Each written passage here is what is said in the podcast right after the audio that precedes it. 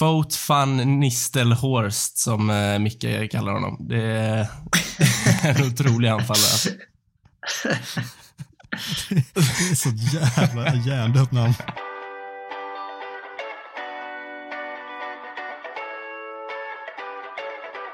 Can Manchester United score? They always score. Rooney! Oh, wonderful! It's Berbatov! Brilliant! Marcus Rashford! Oh, glorious!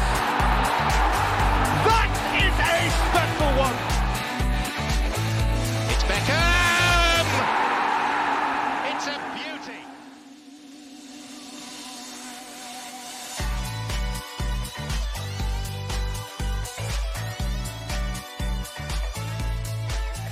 God morgon, förmiddag eller kväll. När du än lyssnar ska du känna dig ruskigt välkommen till ett nytt avsnitt av United-podden. Podcasten som du inte visste att du längtade efter.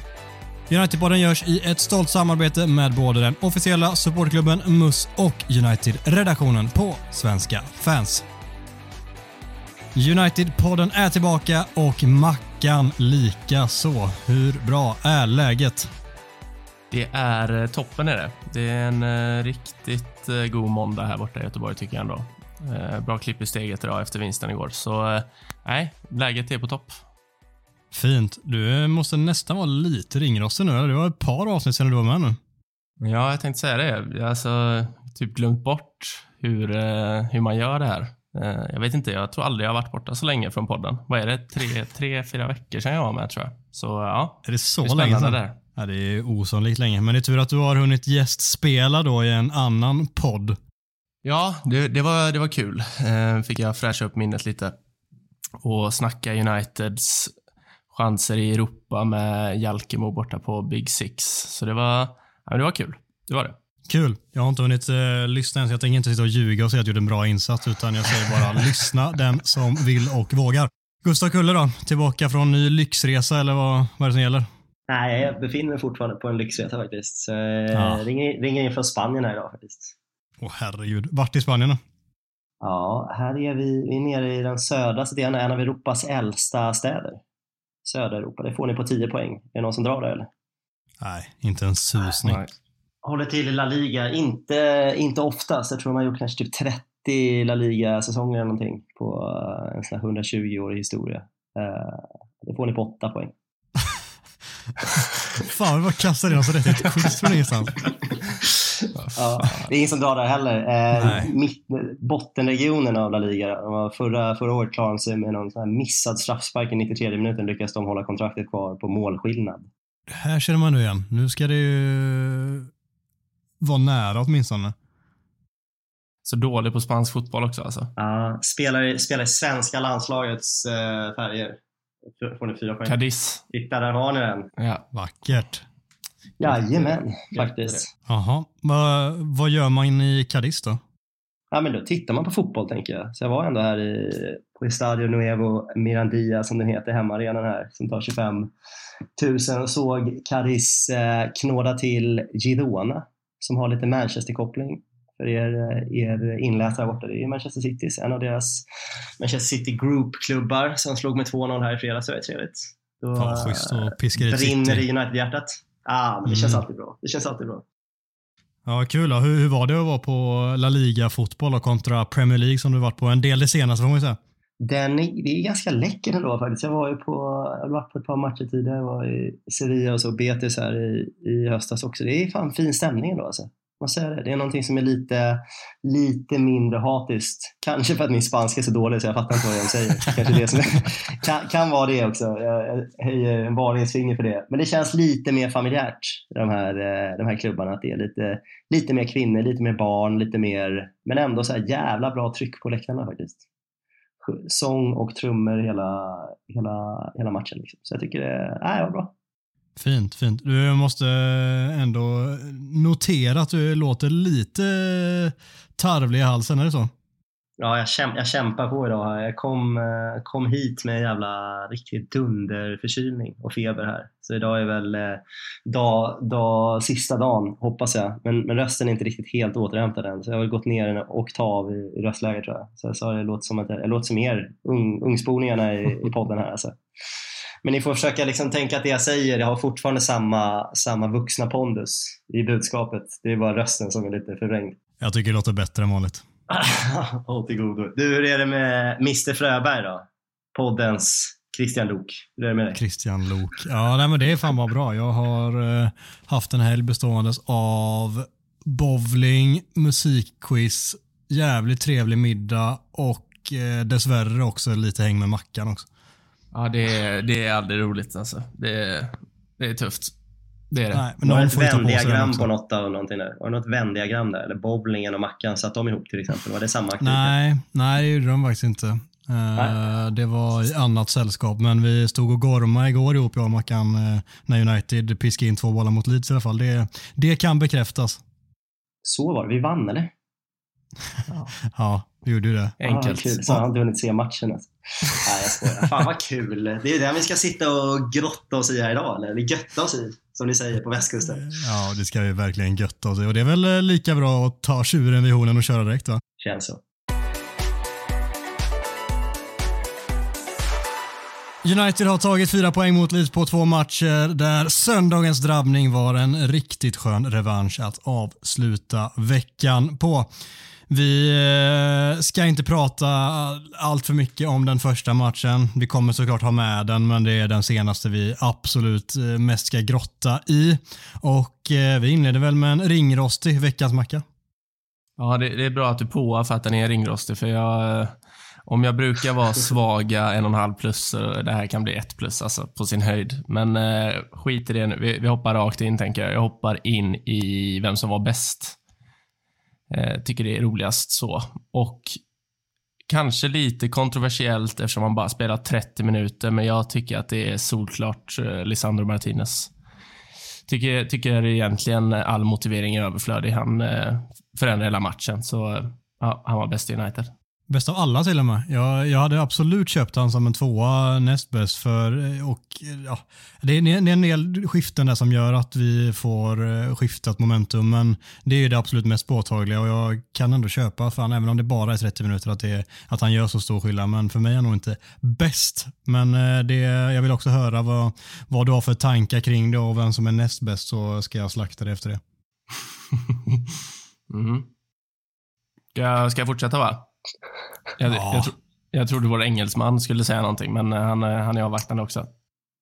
Ja, jag avvaktar också. Jag tänker väl Ja. höra vem som, får, vem som får andra först. Varsågod. Ja, nej men eh, näst bäst. Fan, jag har ändå... Eh, jag vill lyfta Sabitzer här innan, eh, innan jag säger vem jag tycker, men... Eh, och inte, inte för det spelet han bidrar med när vi har boll, utan mycket för det han gör för laget när vi inte har boll. Så jag tycker att han ska ha cred för det. Men eh, med det sagt så tycker jag ändå att eh, Marcus Rashford är, är näst bäst. Inte hans bästa match, men han eh, är ju så pass avgörande och eh, ständigt farlig så det går inte att ignorera honom.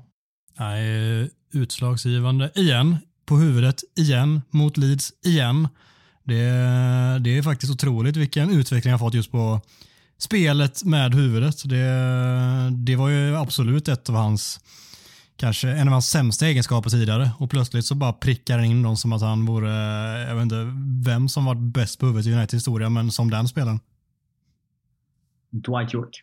Dwight York kanske, ja absolut en bra shout. Men han är otrolig på huvudet nu plötsligt och det ser så jävla naturligt och enkelt ut. Det, det, jag tror att det såklart har med att göra med träning, men framförallt som så många gånger för det, det är självförtroendet som gör det. Jätteskillnad gör det alltså. Mm. Vad säger Gustav då? Håller du med om eh, Mackans eh, betygssättning är på bäst och näst bäst? Nej, det gör jag inte. Alltså. Jag känner det är bra, bra, bra spelare han lyfter fram här. Och det är, är, ju, är ju ett par bra individuella insatser. Martinez håller jag verkligen med om att han blir, blir väldigt avgörande för han får en extremt liksom, upplåsande effekt på en match som har helt gått i clinch. Och som jag känner att den här rallarfotbollen kan ju sluta hur som helst. Så jag tror att eh, han har nog han, han kanske förtjänar det då, men jag tycker jag saknar ändå någon typ av eh, cred för Fred. eh, är. Jag tycker att Fred gör en jävla kanoninsats alltså, hela Mm. matchen. Jag tycker att han, eh, ja, den skit han får för första Leeds-matchen som vi kanske inte ska prata så mycket om, är ju liksom är ju eh, helt borta sen när vi möts. Eh, jag tycker, jag tycker att han är, eh, jag tycker han är grym. Alltså. Och de här, det har vi konstaterat tidigare, att de här Hawaii-matcherna passar ju honom som en hand i handsken. Liksom. Och jag tycker att han sätter inte många fel fötter på hela matchen. Så jag tycker nog att jag hade satt honom som nummer ett och Martinez som nummer två. Och Rashford är, han är en sån här ständig bara, han är där uppe på något jävla moln just nu. Så det, det går knappt ens att sätta honom på en lista. Han, han bara dyker upp och gör de där målen hela tiden nu. Såg ni statistiken på Fred eller? Jag tror var det tio stycken vunna tacklingar i matchen, vilket är fler än någon United-spelare har vunnit i en Premier League-match på sex säsonger. Ja, Jag, jag kan vara påverkad av hans eh, alltså makabra insats förra veckan. För eh, han, var, han var bra igår, men eh, jag, vill- jag vill inte hylla honom som nummer ett efter han var så dålig senast. Så han fick lida för det. det känns jävligt orimligt. Låter som min Ja, gamla jag högstadielärare på mina svenska prov. Liksom. Det, var, det, här, det, det här kanske var bra, Gustav. Men det där förra provet sitter fortfarande i bakhuvudet. Ja, Mm. Ja. Nej, men så, sån är jag. Sån är jag. ja, det är hårt. Men kul att se honom. Jag tycker Sabitzer är bra att du lyfter fram honom också. Så vilket jävla, vilket jävla nyförvärv. Vilket jävla lån alltså. Mm. kvalitet bara ra, rakt in, alltså bara direkt och bara syns. Det är så kul att se folk som är bra på fotboll liksom. Och bara känns som att så här, han kan man bara sätta in. Och bara så här, han, han vet vad han ska göra, behöver inte sitta och läsa någon jävla playbook i sex, sex veckor eller fatta sig på engelsk fotboll, utan han, bara, han fattar hur man spelar central mittfältare. Liksom. Och det tycker jag är Mm. jävla befriande. Ja, det är sån jävla klass. Han, eh, vi pratade lite under matchen igår, Marken, att eh, han försvann lite i andra halvlek. Eller Han kom inte på bollen så mycket under kanske första 25 minuterna i andra halvlek. Någonting. Det känns som vi har inte sett honom typ utan boll, eller med boll. Eh, I första var han på den lite mer, men sen så när United börjar komma in i det igen där när Martinez och bytena görs, då, då växer han också och så har han ju den, den starka crossbollen ut i Chos och sen resulterar i assisten och målet som eh, sedermera är helt matchavgörande. Så eh, bra att du lyfter upp honom, verkligen. Du har ju en spelare du ska lyfta upp som eh, ska höja sig eh, allra mest. Det känns som att det är ett litet öppet mål här, eller? Ja, det, det, här, det här var inte så svårt. Men alltså, ja, man, man visste ju att detta skulle hända när startelvan poppade upp, så ingen är förvånad att eh, Harry Maguire behöver eh, höja sig. Det, det är väl också en stående punkt att när han startar så hamnar han här. Eh, och det får vi nog vänja oss vid även framöver. Så eh, ja, Maguire, jag tror inte på det, men eh, höj dig. Ja, kan det kännas så att jag tycker inte Maguire ska höja sig, jag tycker han ska flytta sig. Ja. Ska, ska bara slu, slu, Ja. sluta vara där överhuvudtaget. Jag känner att det ger mig panikångest liksom, att se, se honom spela fotboll där bak som sista, sista utpost. Det, han var så kolossalt jävla dålig den här matchen med allting och det är ju på något sätt synd att se en spelare med så extremt dåligt självförtroende. Så dålig är han ju inte. Så här, så här dålig är han ju inte, men herregud vad dålig han var eh, mot Leeds. Alltså. Mackan, jag vet inte hur många gånger du satt och svor över och började räkna antal bolltouch han tog varje gång han fick bollen i backlinjen. Och det var ju det var jättebefogat. Tidigare tyckte jag att det var lite överdrivet, men alltså det var ju otroligt. Det var en gång på typ hela matchen han tog one touch och du ställde dig upp och jubla för du tyckte det var så jävla imponerande för att annars tar han ju sju touch varje gång han får bollen och sakta ner hela spelet. Ja, ja men det, det är väl just det att han liksom spelar i slow motion och tror att han alltid har all tid i världen på sig och det har han uppenbarligen inte. Han håller ju på att ge bort, eller han ger bort ett jätteläge som han sen räddar upp själv, men allting går så jävla långsamt. Det... Ja, jag vet inte. Jag är också fruktansvärt jävla trött på de som sitter och fortfarande typ runkar åt hans fo- spel med fötterna. Alltså, han liksom kan slå halvhyfsade passningar på 20 meter och någon crossboll här och där, men det går ju alldeles för långsamt. Bollarna är oftast för höga och lösa, så försvarslinjen hinner över. Han har liksom inget självförtroende kvar, inte, inte ens med fötterna. Så folk måste sluta med att säga att han är bra med fötterna. Nej, han är inte det. Han är medioker med det också. Liksom. Så sluta med det nu. Det är så jävla tröttsamt. Gustav, du hade någon skön spaning så jag där i, i paus på Maguire och Weghorst. Ja, men det var, det var väl någon som ville byta ut Weghorst och, och Maguire. Jag tänkte att vi kunde bara byta plats på dem. Att jag tänker att det är lite wow, jävla överraskningsmoment ändå att se Weghorst där bak och Maguire där fram. Och jag tänker att det hade nog inte gjort så jävla stor skillnad i, eh, i kvaliteten varken på vår nummer nio eller på, på vår centrala back. De har precis, känns som de har precis samma kompetenser och brister som spelare de där två. Ja, för Mackan körde tillägget igår och jag ville slänga in det. Men Guy kan ändå nicka. Det kan fan inte Weghorst göra. Har ni sett en så lång spelare vara så dålig på att nicka hela ett liv? Jag tror fan inte det alltså. Jag hade, jag hade ju kunnat köra en alternativ lösning på uh, näst bäst och sämst. Sämst hade ju kunnat vara Weghorst som anfallare och näst bäst hade ju kunnat vara Weghorst som tia. Fan, det blev... Uh, alltså, vad, vad händer när han kommer ner? Han, han latchar ju på eh, offensiva mittfältet och serverar bollar. Jag fattar ingenting. Jag tänkte, vad fan har den här spelaren varit i 70 minuter? Det är otroligt alltså. Kliver in som prime Zidane och bara leker motståndet. Nej, men det, jag tycker uppståndelsen av hans insats som tia har varit lite, lite kanske överdriven, men eh, det är ju såklart superskillnad på honom när han klev ner där och fick upp Rashford centralt och Garnacho på kanten istället. Det var det ihop med att Martinez kom in eh, gjorde ju all skillnad i andra halvlek. Nej, verkligen.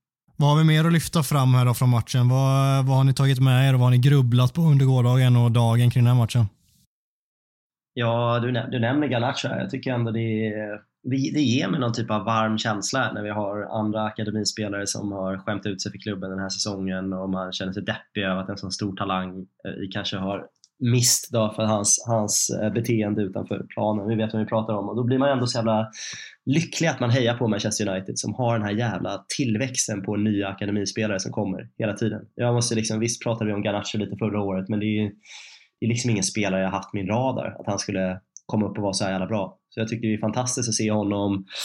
Pelistri som, nu är det här spelare som jag köpt in liksom lite lite sent men även så här som har liksom börjat få komma in lite och det är så jävla, det är det här som är så jävla fint med Manchester United och det gör mig faktiskt så, så enormt glad på riktigt att se den här typen av spelare få speltid, göra avtryck eh, på ett sätt som våra andra liksom, motståndare, toppklubbar inte har. Så det, det har gjort mig väldigt glad här senaste dagen. Jag tar med mig två grejer där extra mycket och ett var hans otroliga explosivitet när han får bollen där när han är 2-0 och bara flyger förbi.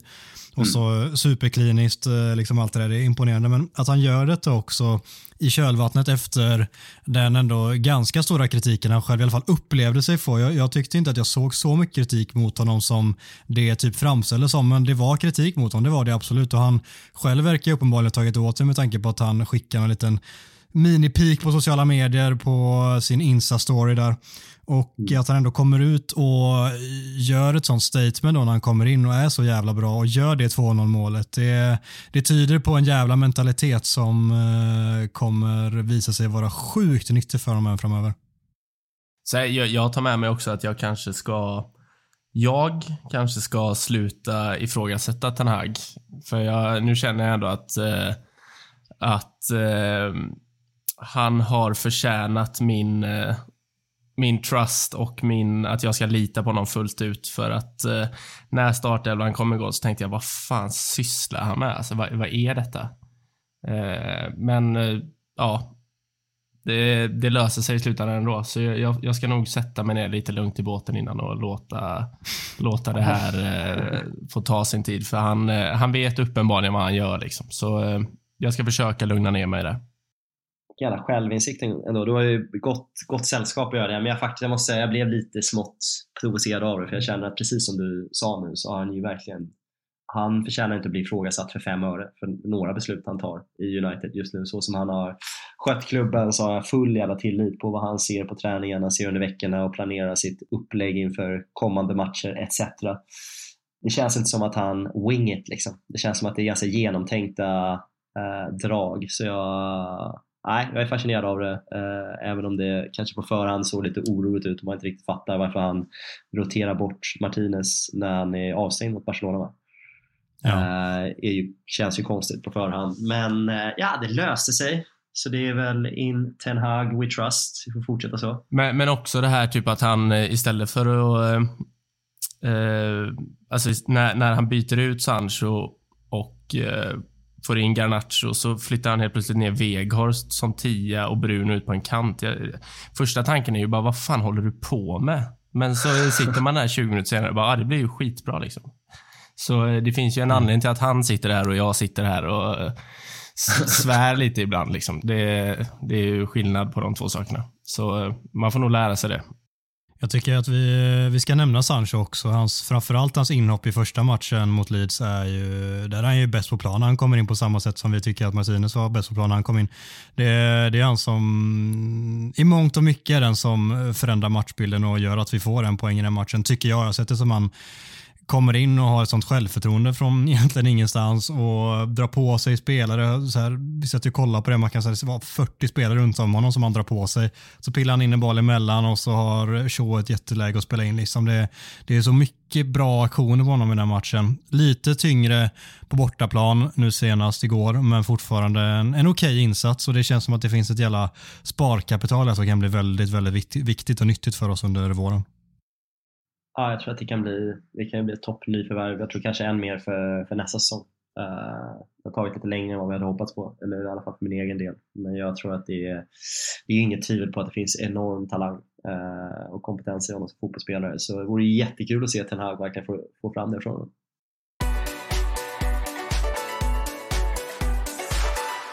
Succésegmentet Talk of the Town är tillbaka med fem stycken påståenden med aktuella ämnen som vi helt enkelt diskuterar huruvida det är sant eller inte. Första vi pratar om, vägghästen Weghorst. Han bör ses som ett alternativ från bänken i första hand och inte en startspelare. Vad säger Mackan om det då? Oh, höll du på att säga eh, Gugge där och så blev det Mackan? Ja. Eh, Känner att jag vill ha din take först. Ja. Nej, men jag eh, håller väl med om påståendet eh, rakt av. Jag tycker att man eh, har sett eh, under matcherna han har startat som anfallare att han inte riktigt håller på den här nivån. Det brister i lite för många aspekter av spelet, tycker jag. Han är, han är en eh, duglig länkspelare, bra med så konstig egenskap. Han är bra på one touch med fötterna, men helt usel på huvudet. Eh, långsam. Och saknar väl ändå den här killerinstinkten också som krävs av en anfallare, kan jag tycka.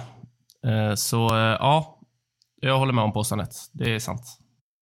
Jag, jag tycker att det är ganska träffsäkert. Jag tycker att han är mer än en duglig länkspelare. Där är han bra i många bitar. Eh, men jag saknar också mycket i, i övriga spelet och framförallt att han, han känns inte som en målskytt. Han känns aldrig som att han är nära på att komma till avslut i, liksom i, i ett bra, eh, en bra del av boxen.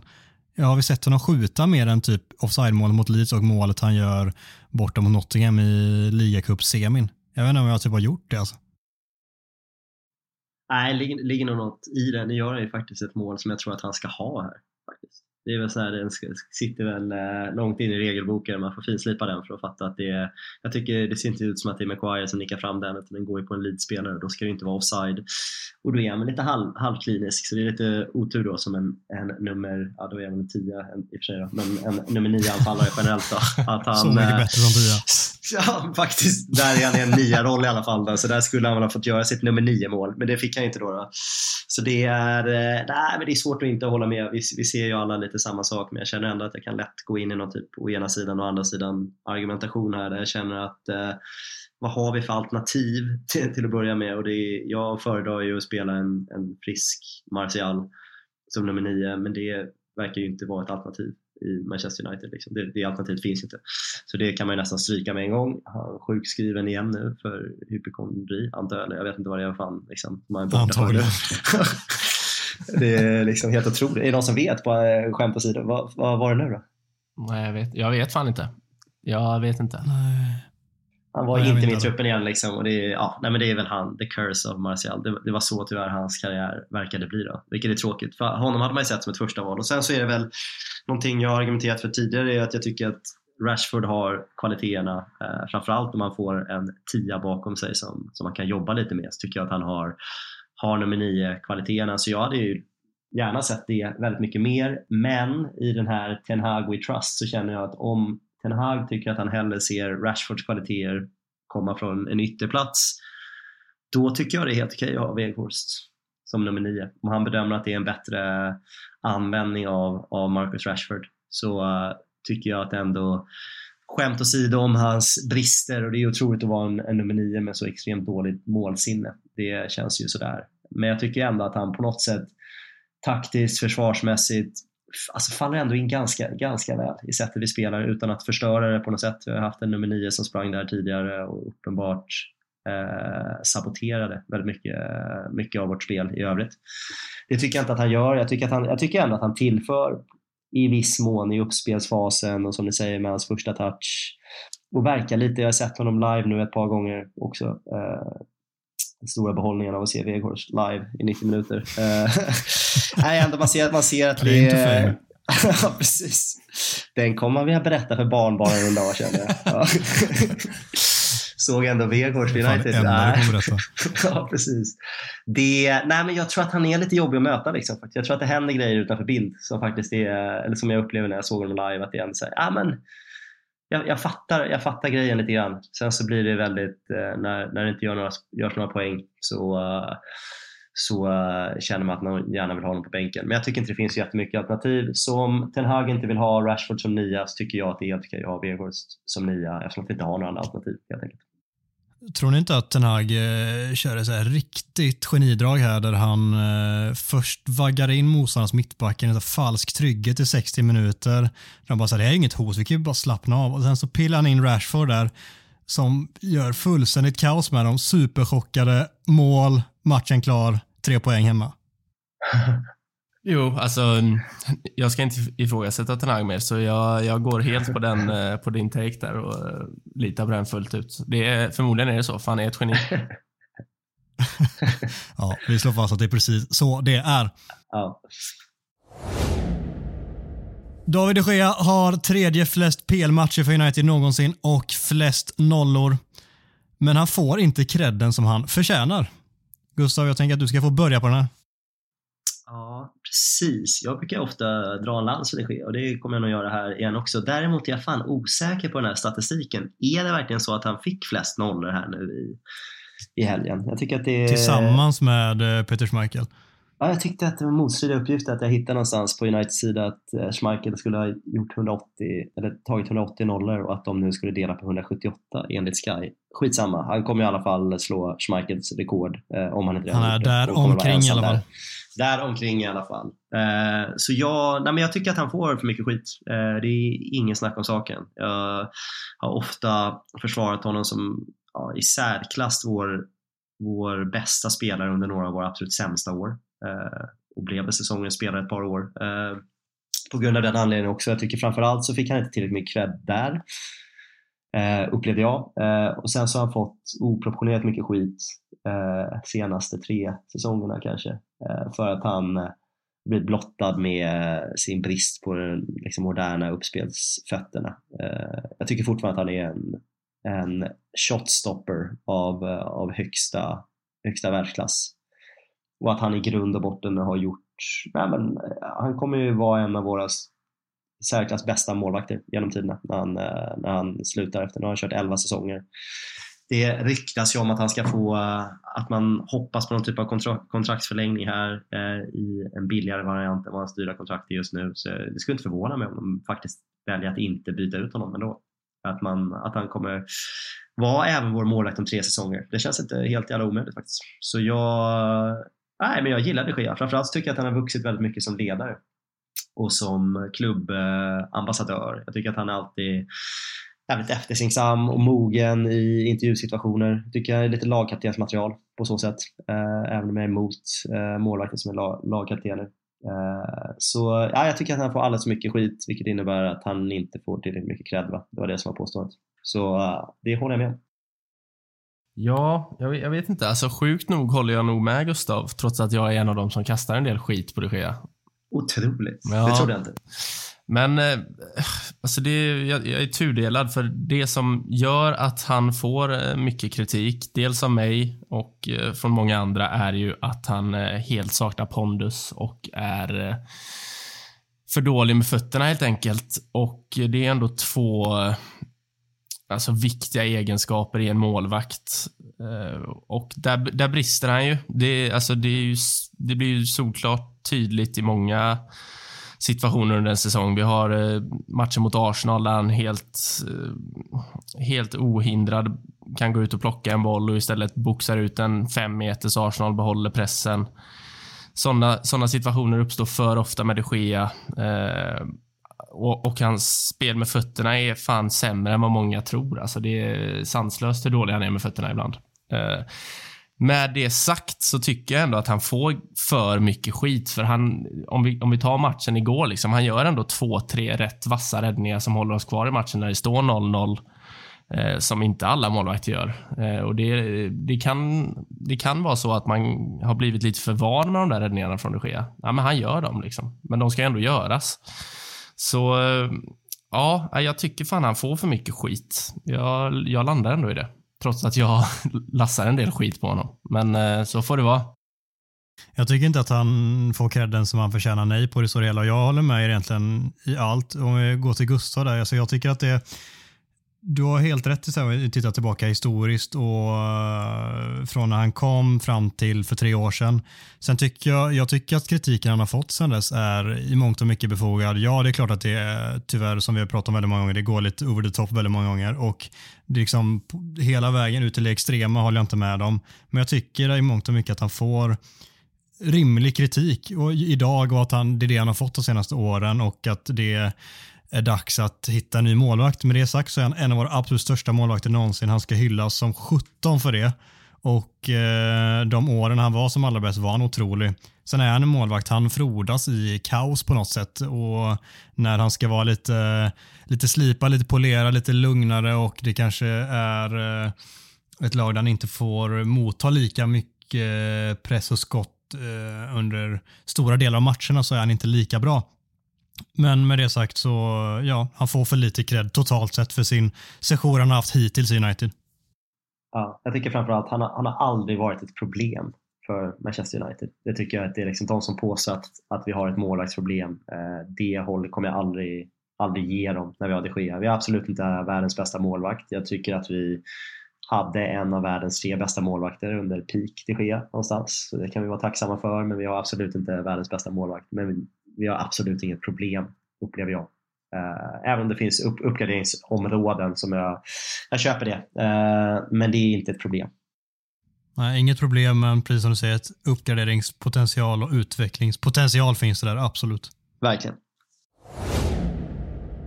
Qatar får inte vinna budgivningen. Punkt. Ja, fan, ord och inga visor på det. Jag ska, jag ska försöka plocka upp den då någonstans. Det som håller på att hända här är väl då så att ryktena säger väl, det är väl ingenting som är helt bekräftat här, men bud ska eh, framföras till Glazer-familjen på fredag, innan fredag tror jag, så innan, innan den här veckan. Arbetsveckan mm. är slut. Vi, vi, kan ju flika in att Bloomberg gick ut idag och sa att eh, de kommer komma med ett bud senast fredag. Otroligt, där har vi den. Så blir det när man inte sitter på sin terminal när man åker på semester i Spanien. Kommer man inte åt sina, sina Bloomberg-nyheter. Så det är bra att man kan få det från journalister på västkusten istället. Otroligt.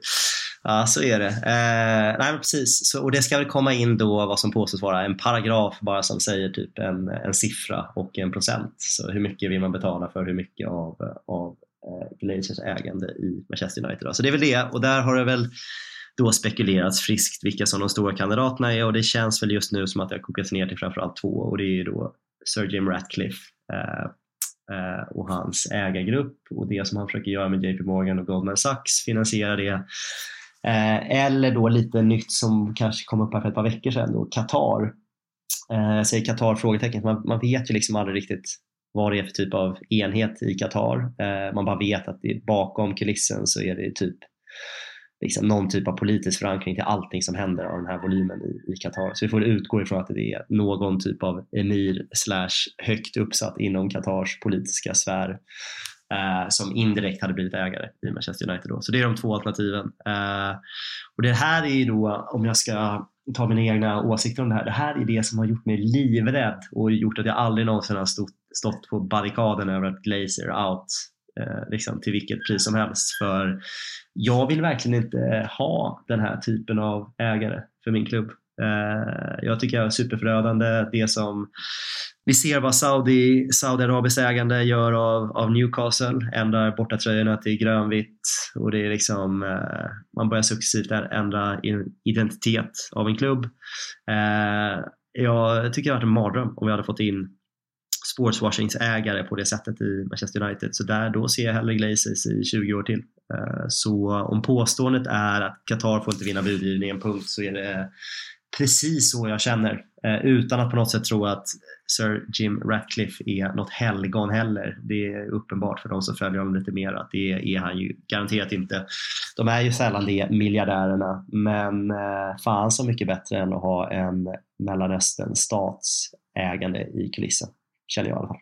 Mm, det, är väl, det är väl den här klassiska, det finns grader i helvetet och eh, där är eh, för mig Qatar det absolut värsta, alltså den typen av ägandeskap är det absolut värsta jag kan tänka mig och hade genuint kunnat eh, och till och med sannolikt gjort att mitt intresse hade skjutit i botten. Alltså jag vet inte hur långt ner det skjutit men min personliga botten hade varit. Vad det hade resulterat i exakt, det, det tror inte jag jag kan veta förrän det potentiellt konkret händer. Men det är det, det är det värsta jag kan tänka mig ägandemässigt för United och eh, därför får det verkligen inte hända. Och jag vet Mackan att du står på samma sida där så för att du bara ska slippa säga copy-paste så ställer jag istället frågan som också är ganska elak att få till sig rätt i knät. Men det, det finns ju också väldigt mycket United-supportrar som snarare ser detta som en supergrej och jublar och ser hur mycket pengar vi får in i så fall och Eh, hur många Mbappé som ska kunna köpas etc. etc. Vad, vad gör du av allt det snacket? Ja, vad gör jag av det? Eh, kräks lite i munnen. Undr, undrar hur folk tänker och eh, Alltså, först och främst blir jag genuint chockad när man ser de här eh, omröstningarna på sociala medier, hur pass många det faktiskt är som eh, som skulle föredra det. Jag, jag trodde inte att det skulle vara så pass eh, många. Jag trodde ändå det fanns en mer utbredd eh, men kännedom vet jag inte om man kan kalla det, men det, alltså, nästan kännedom kring vad fan det är som pågår där borta i, i de här länderna kring mänskliga rättigheter och eh, allt därtill. Det, det liksom det känns som att fotbollssupportrar rent generellt lite skiter i det om, eh, om vi kan värva Mbappé. Och det, det är ju fan sanslöst alltså. Så äh, vad gör jag av det? Ah, jag förundras och blir lite mörkrädd faktiskt.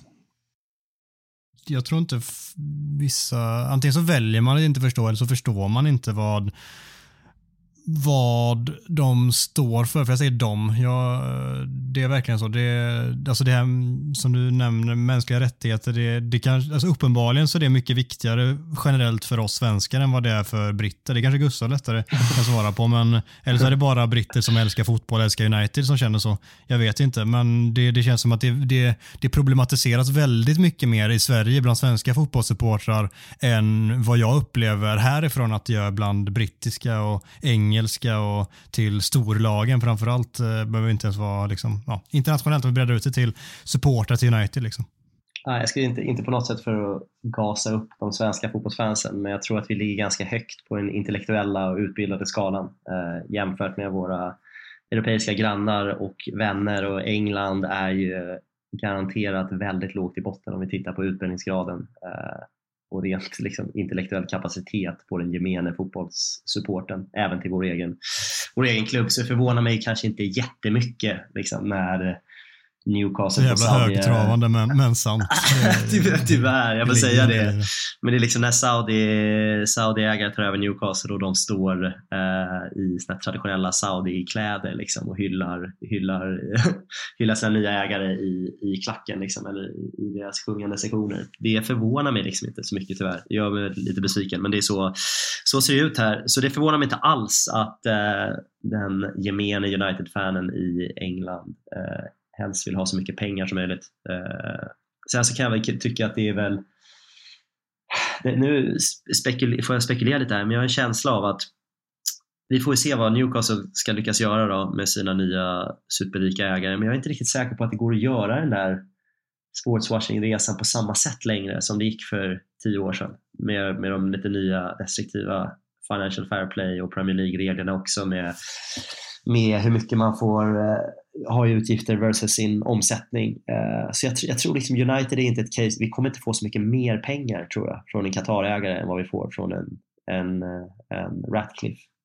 Utan jag tror att det kommer nog vara ganska samma lika som vi kan spendera om man inte ska då göra den här city-lösningen att det ska det ska skickas in pengar via olika små alltså obskyra sponsoravtal som är helt orimliga liksom, och namnge sin träningsanläggning och få massa årsintäkter på det. Helt, helt obegripligt förstås. Om man skulle göra något sånt då, men det verkar ju nu då kanske City straffas för. Så jag tror inte att det det finns inte så mycket uppsida med, med att ha Qatar på det tror jag. Det, United är redan också en av världens bästa klubbar när det gäller omsättning och ekonomi. Så uppsidan är inte så stor av att vara en ännu rikare ägare, tror jag.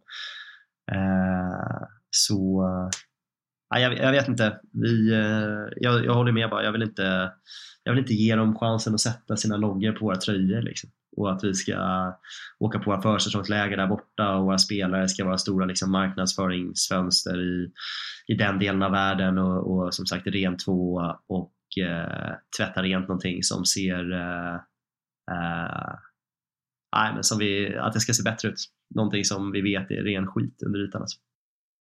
Det är ju uppenbarligen så att vi håller med om påståendet alla tre och vi kommer ju garanterat få anledningar till att återvända i frågan, i ämnet och jag tänker att vi ska grotta ner oss ännu mer när det blir än mer konkret. Om det blir någon form av budgivningskamp eller vad det nu landar i så ska vi se till att prata om det alldeles extra mycket där och då. Men vi landar här, här och nu.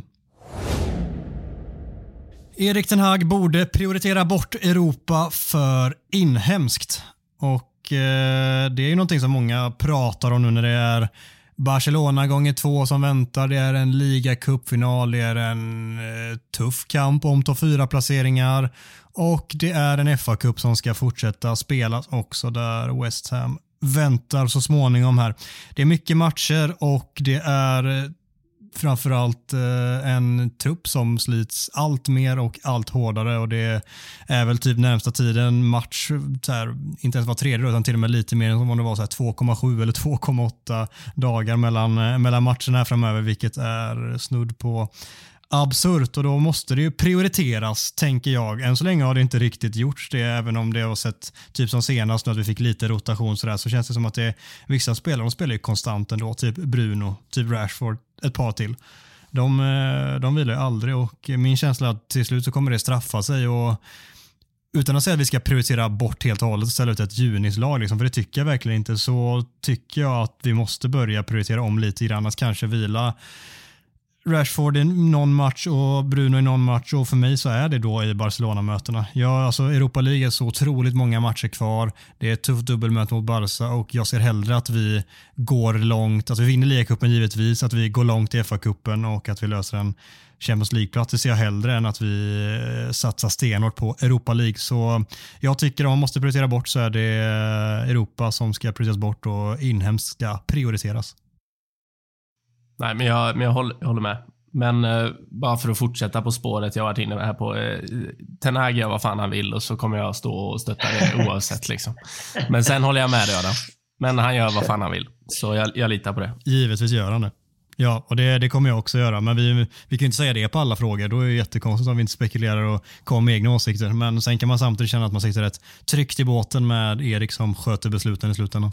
Ja, Verkligen. jag tror att vi har någon typ av trippelsamsyn här då faktiskt. Eh, och det är väl, jag tror vilket annat år som helst de senaste åren och det känns som att eh, den här Champions League-platsen har varit jävligt vansklig. Men alltså i år känner jag att vi rätt, rättfärdigt ligger och hugger på en andra, andra tredje plats, kanske till och med mer, vem fan vet. Eh, så tycker jag att det ser hellre att vi fokuserar allt, all vår energi på det. Framförallt eftersom att vi på något sätt ändå har någon typ av tunn trupp vilket är ganska konstigt om man tittar på hur mycket spelare vi har och hur spelare som egentligen borde vara kvalitet så känns det som att vi han vet vilka spelare han helst vill spela med den här och det är bara typ 13 spel, spelare som, som han föredrar. Eh, 13-14 och det är de han ska magna på här då fram till, fram till slutet av maj. Så då, eh, jag har aldrig gillat Europa League eh, för Manchester United. Eh, det är för andra klubbar liksom. Det är inte för vår, vår klubb. Vi ska vara där något en gång var tionde år om vi lyckas eh, hamna trea i vår Champions League-grupp. Liksom. Men annars så ska, är det inte en turnering för oss. Så jag tycker absolut, prioritera bort det eh, i den mån man kan och så fokusera på inhemskt istället. Harry Maguire spelar inte i Manchester United nästa säsong. Och Gustav, det var ju typ exakt vad du sa tidigare.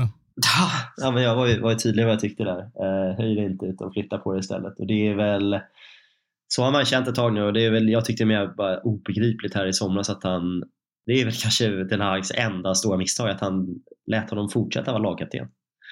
Eh, att han inte liksom, tog ett annat, annat beslut där. Eh, liksom band fast honom lite hela säsongen ut. Men eh, jag, jag, tror att han, alltså det finns ett gemensamt intresse här i att, att Maguire inte spelar i United nästa säsong. Även från här. Jag tror att han har högre ambitioner än att vara tredje mittback. Eh, var en högre självbild än så.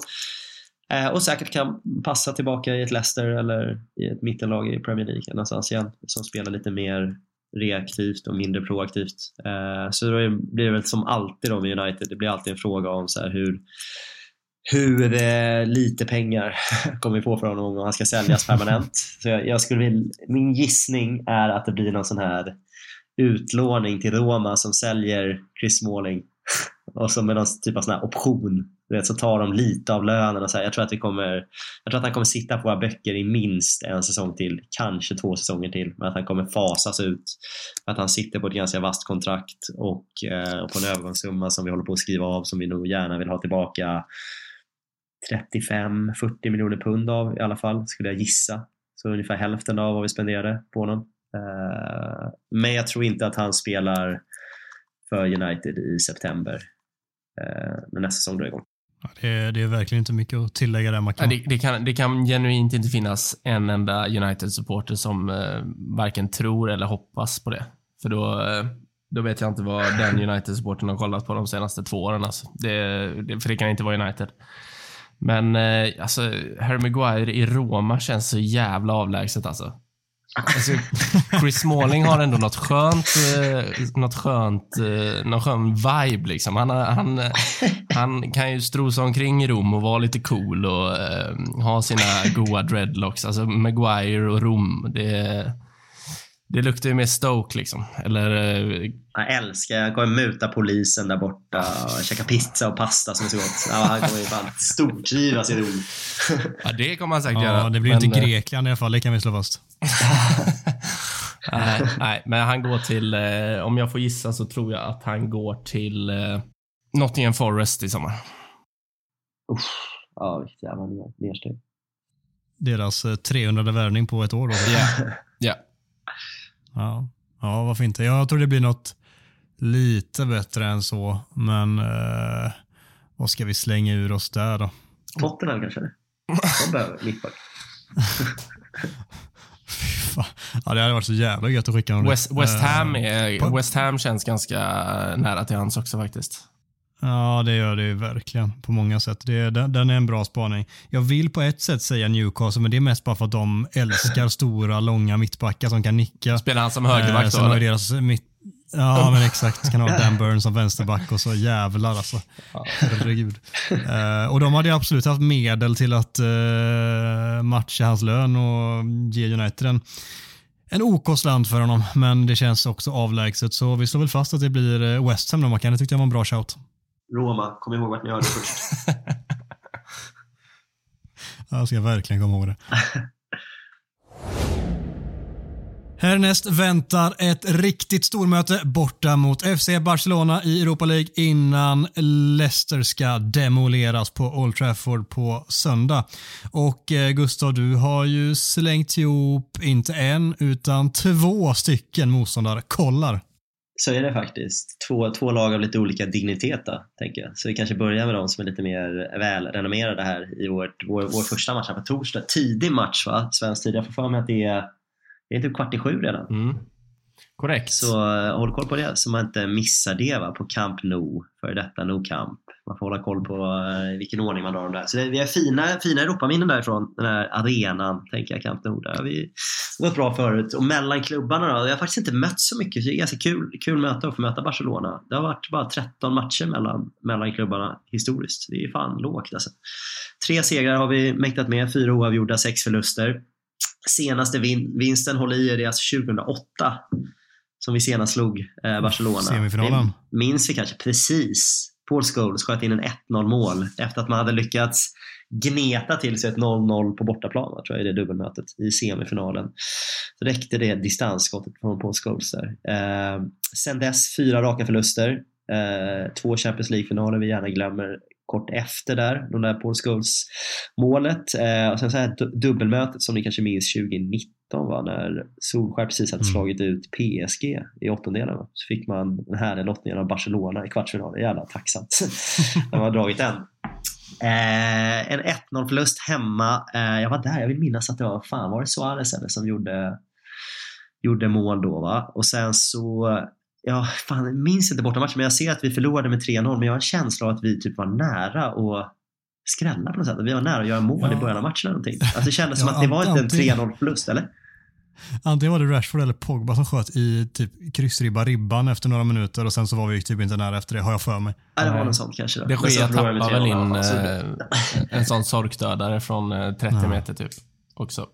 Det känns helt, helt osannolikt. Det kan jag inte ens se framför mig Marcus. Så det där utgår ifrån har aldrig hänt. så kan det förstås inte ha varit. Så kan det inte ha varit. Men det förlorade i alla fall. Så båda de matcherna förlorade 1-0 förlust och en 3-0 förlust. Så det var senast. Eh, Barcelona anno 2023 då börjar väl fan vakna till liv här. Det är alltså Europa League-slutspel och man möter ändå då eh, laget som leder La Liga med 8 poäng eh, före Real Madrid stöter man på där eh, med liksom en ny någon typ av generationsväxling då, som de har lyckats börja få igång nu. De sina spanska talanger här med vad är det, Ansu Fati och Gavi, Pedro, Alejandro Balde, Garcia, Torres. Jag tror alla de här är typ 19, 20, 21. Alla de här spelarna. Pedro kanske... är inte så gammal, eh, så ung, men Pedri är det. Eh, precis, vad sa du? Du råkar säga Pedro förut och han är inte 19, 20, 21, men Pedri är det. Pedri, alltså. Har han Pedro också? Det vore ju otroligt om de har både Pedri och Pedro. ja, gött om han var kvar där. Han är väl i Lazio hörde jag nu tror jag gjorde ett jävla supermål för, ja, förra veckan. Ja, han är i Rom. Kan han bli, kan ta en kaffe med, med, Guyver när han kommer i sommar Ja, ja, ja, ja, ja. Gör din egen motståndarkoll Ja, men så är det. Men de har lite starka veteraner också. Busquets gör väl sitt sista säsong här kanske. Eh, Lewandowski. Eh, Lewandowski Eh, Thomas Müller-skämtet. Han har ändå gjort typ 23 mål på 26 matcher eller någonting, så han är, han är halvvass. Han är lite en, en svag eh, uppgradering på Weghorst som vi brukar säga, Lewandowski. så, så, lite, svagt lite bättre där, nummer nio. Eh, så det, det är ju ett världsklasslagmöte, det får man säga. de spelar sina, som de alltid har gjort, sina 4-3-3 med någon sån här single pivot, nummer nio liksom och hittar massa jävla små trianglar små och mellanstora trianglar över hela plan så att man får springa och jaga bollen hela matchen. Så så lär det bli, tänker jag. Så det blir åka av. Det blir kul att se vad, vad Ten Hag kan ställa upp för reaktiv elva mot det här, för det tror jag blir tufft. Det är ett av världens bästa lag just nu, Barcelona. Verkligen, och jag tror att det är, det är väl kanske därför han vilar varann och att han gör den lagträning han gör mot Leeds. För jag tror att han är rädd för vad konsekvensen skulle kunna bli av en riktig arkebusering här. Torska med 4-0. Liksom. Det, det kan bli en jävla stjärnsmäll. Uh, och jag tror att han är rädd för det och därför så eh, kommer han gå full on bästa elva borta mot dem.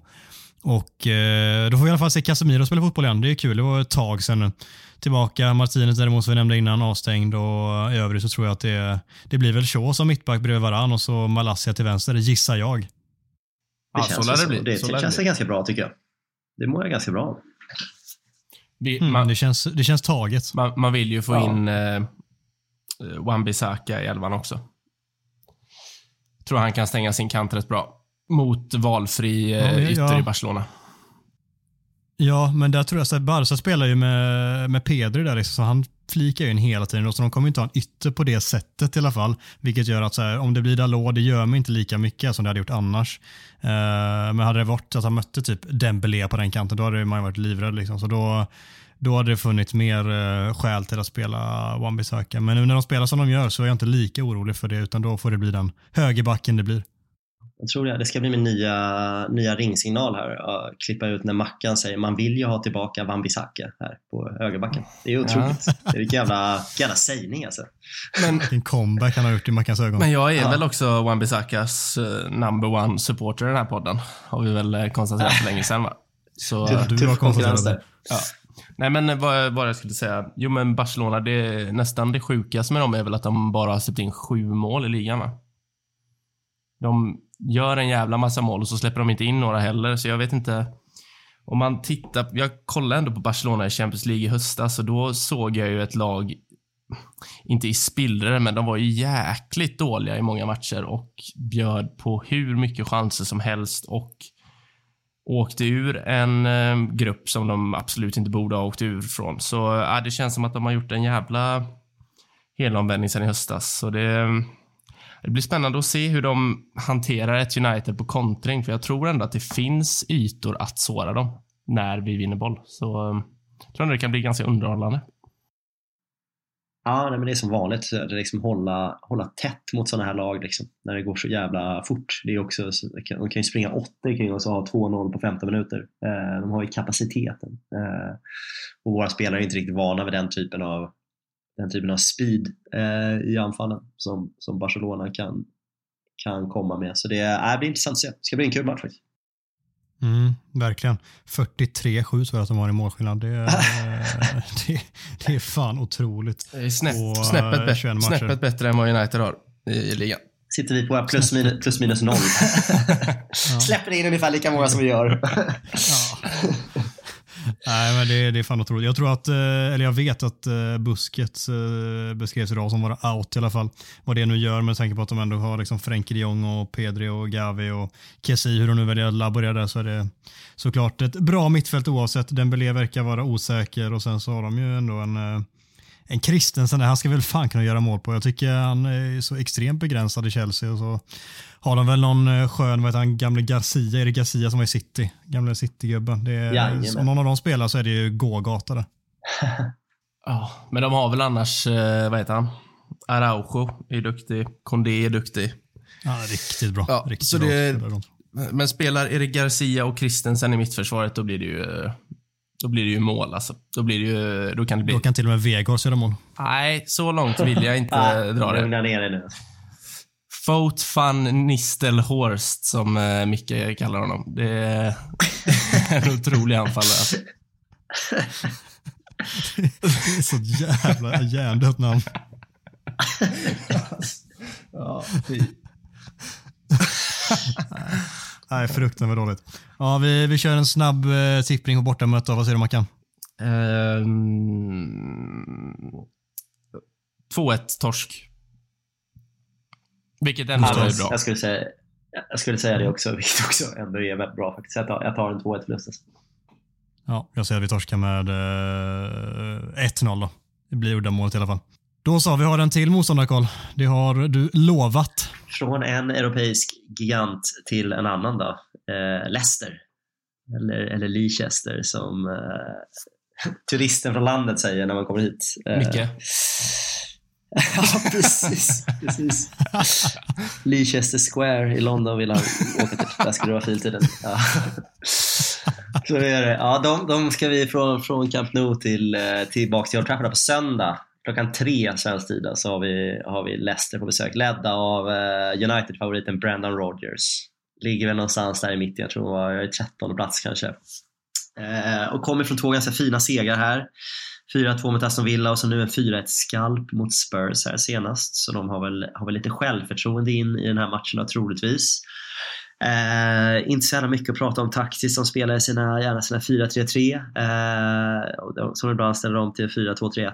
Men så mycket mer spännande än så är det inte och det är Iheanacho eller, eller Vardy som, som ska dyka upp längst fram. Eh, James Madison och Harvey Barnes, poängstarka offensiva mittfältare som vanligt. Så det känns som det är samma, samma jävla Leicester man tittar tittat på här i tio år. Liksom. Jag vet inte hur länge de här spelarna har spelat i Leicester, men det känns som att det är exakt samma spelare som jag har följt de senaste tio åren. Eh, så där är de. Eh, och fram till mitten av 2020, alltså håll i det, hade vi ändå 12 matcher obesegrade mot Leicester. Eh, det var ett riktigt jävla drömmotstånd för oss. Sen dess hade vi fem raka utan vinst, varav tre raka förluster med Solskär. Det var hans boogie team. Eh, hade väl någon period där de åkte ut både i FA-cupen och förlorade i ligan eh, mot Leicester där med Solskär. Eh, nu senast däremot så har vi en 1-0-seger. Eh, det var Jadon Sancho som avgjorde här borta i början av säsongen, september tror jag. Eh, det var väl precis när vi det var inte första matchen, det var väl Liverpool vi, vi vann efter de här två katastrofala första matcherna. Men frågan är om det inte var matchen efter Liverpool kanske som vi satte igång en ganska bra, bra winning record där. Så det, det är väl så det ser ut med de här goda Leicester. Det är liksom aldrig, aldrig lättspelat. Det känns som de spelar på sina styrkor. Eh, lite svårspelade, disciplinerade. Liksom, kan, kan ligga lågt och försvara om det behövs, pressa högre när det ges tillfälle för det. Så det känns som att det är ett ganska kompetent fotbollslag. Eh, som alltid kan ställa till lite besvär och framförallt om vi är en lite trött, tröttkörd trupp här från, från Europa League i veckan så känns det som att det kan bli, vi kanske kan få slita lite hemma på söndag. Så det, eh, där har vi det. Det är som vi pratade om tidigare, det är mycket matcher nu och det, det, det vore helt sjukt om det inte märktes av på prestationen på söndag. Sen får jag hoppas att det märks av tillräckligt lite för att vi ändå ska kunna ta tre poäng. Det är väl typ det det handlar om nu hela tiden. Att det behöver inte alltid se klockrent ut, men eh, vi behöver ta tre pinnar och så får det typ se ut som, som det gör. För vi kan inte ha några jättekrav på att det ska se bländande ut i varje match. Det, det finns liksom inte krut i benen till det i, i så pass få spelare som vi ändå har att välja på som, och som Gustafsson som Ten Hag väljer att lita på också. Värt att nämna inför matchen är väl att Leicester har värvat en eh, mittback som eh, är klumpigare än Harry Maguire. Jag vet, Nej, inte, jag vet inte om ni har noterat det, men de har ju plockat in eh, Harry Suttar, tror jag man säger. 198 centimeter lång, väger säkert 95 pannor, så det hade inte förvånat mig. Och inledde karriären i Leicester med att göra självmål efter typ 15 minuter. Så det är det känns ju rent spontant som att Harry Maguire har en, eh, en eh, dubbelgångare i Leicester. Eh, så det blir ju kul om, om båda de startar på söndag. Då, då osar det dubbla självmål alltså. Vilken jävla match i matchen. Verkligen. Ja, det är fan. Nej, men det är jävla Nej, det ska bli kul att se. Vi går in i en sån jävla period nu känns det som. här. Vi har de närmsta 3, 4, 5 matcherna kan vara ganska avgörande för säsongen. Vi har väl en ganska bra position i ligan men det är, låt oss säga att, eh, att vi kanske inte tar oss vidare i Europa League här. Eh, ett trött Church United som ska försöka plocka poäng mot Leicester. Sen så har vi ett, ett trött Church United efter dubbelmöte med Barcelona som ska spela en ligacupfinal och ett lag som sen ska in och spela en fa Cup eh, match mot West Ham här. Så det är ganska mycket som kan, kan hända här närmsta två, två veckorna på eh, hur den här säsongen ska arta sig. Eh, och det börjar mot Barcelona nu på torsdag. Mm. Åt båda håll också. Tänk, att, tänk att få en riktig jackpot där. Vilken jävla skjuts det skulle vara i, in i resten av säsongen. Det hade varit eh, potentiellt eh, totalt säsongsdefinierande. Ja, verkligen. verkligen. Vi håller tummarna för det. Vad vinner vi med mot Leicester då? För vi kommer ändå bestämma att vi vinner den, eller hur så? Ja men så blir det. Jag tror ändå att vi vinner med 3-0 faktiskt. Det kommer inte, kommer, inte vara, kommer inte vara så självklart som resultatet låter. Men på något sätt så löser vi en jävla 3-0-seger. Det är så gött. Ja. Du du jag känns att det. Och att Maguire gör mål med fötterna. Ja. ja. Det är gött. Du beskrev det som krampaktigt för en och en halv minut sedan, men det blir, eh, det blir 3-0. Det, det, är bara... Det är bara... En klassisk krampaktig 3-0-seger. ja. Ni vet en sån. Jag, jag, vänder, jag, vänder på det. jag vänder på det från Barcelona där och så säger jag att vi vinner med 2-1 den här gången. Uh, är det krampaktigt eller är det solklart då? Nej, sol, solklar 2-1-seger. Ja, jag säger att det blir eh, 2-0. Det blir lite som mot Leeds. Det kommer se ganska det kommer stå och väga lite, det kommer vara lite oroande och sen så gör han någon taktisk tweak där han skickar in någon skön spelare från, från bänken så kommer 1-0 runt 80 och sen så kommer 2-0 och bara farten och så är den klar den också så får vi två nästan identiska söndagar på rad. Det blir väl hur härligt som helst. Ja, fan fint. Nu tycker jag fan med att vi säger tack och ajökens för den här veckan. Och så eh, tackar vi Gustav för visat intresse från Spanien, Mackan från Göteborg och eh, kära lyssnare, framförallt ska ni ha det största tacket. Med det sagt, följ oss jättegärna på sociala medier så hörs vi igen nästa vecka. Ta hand om er.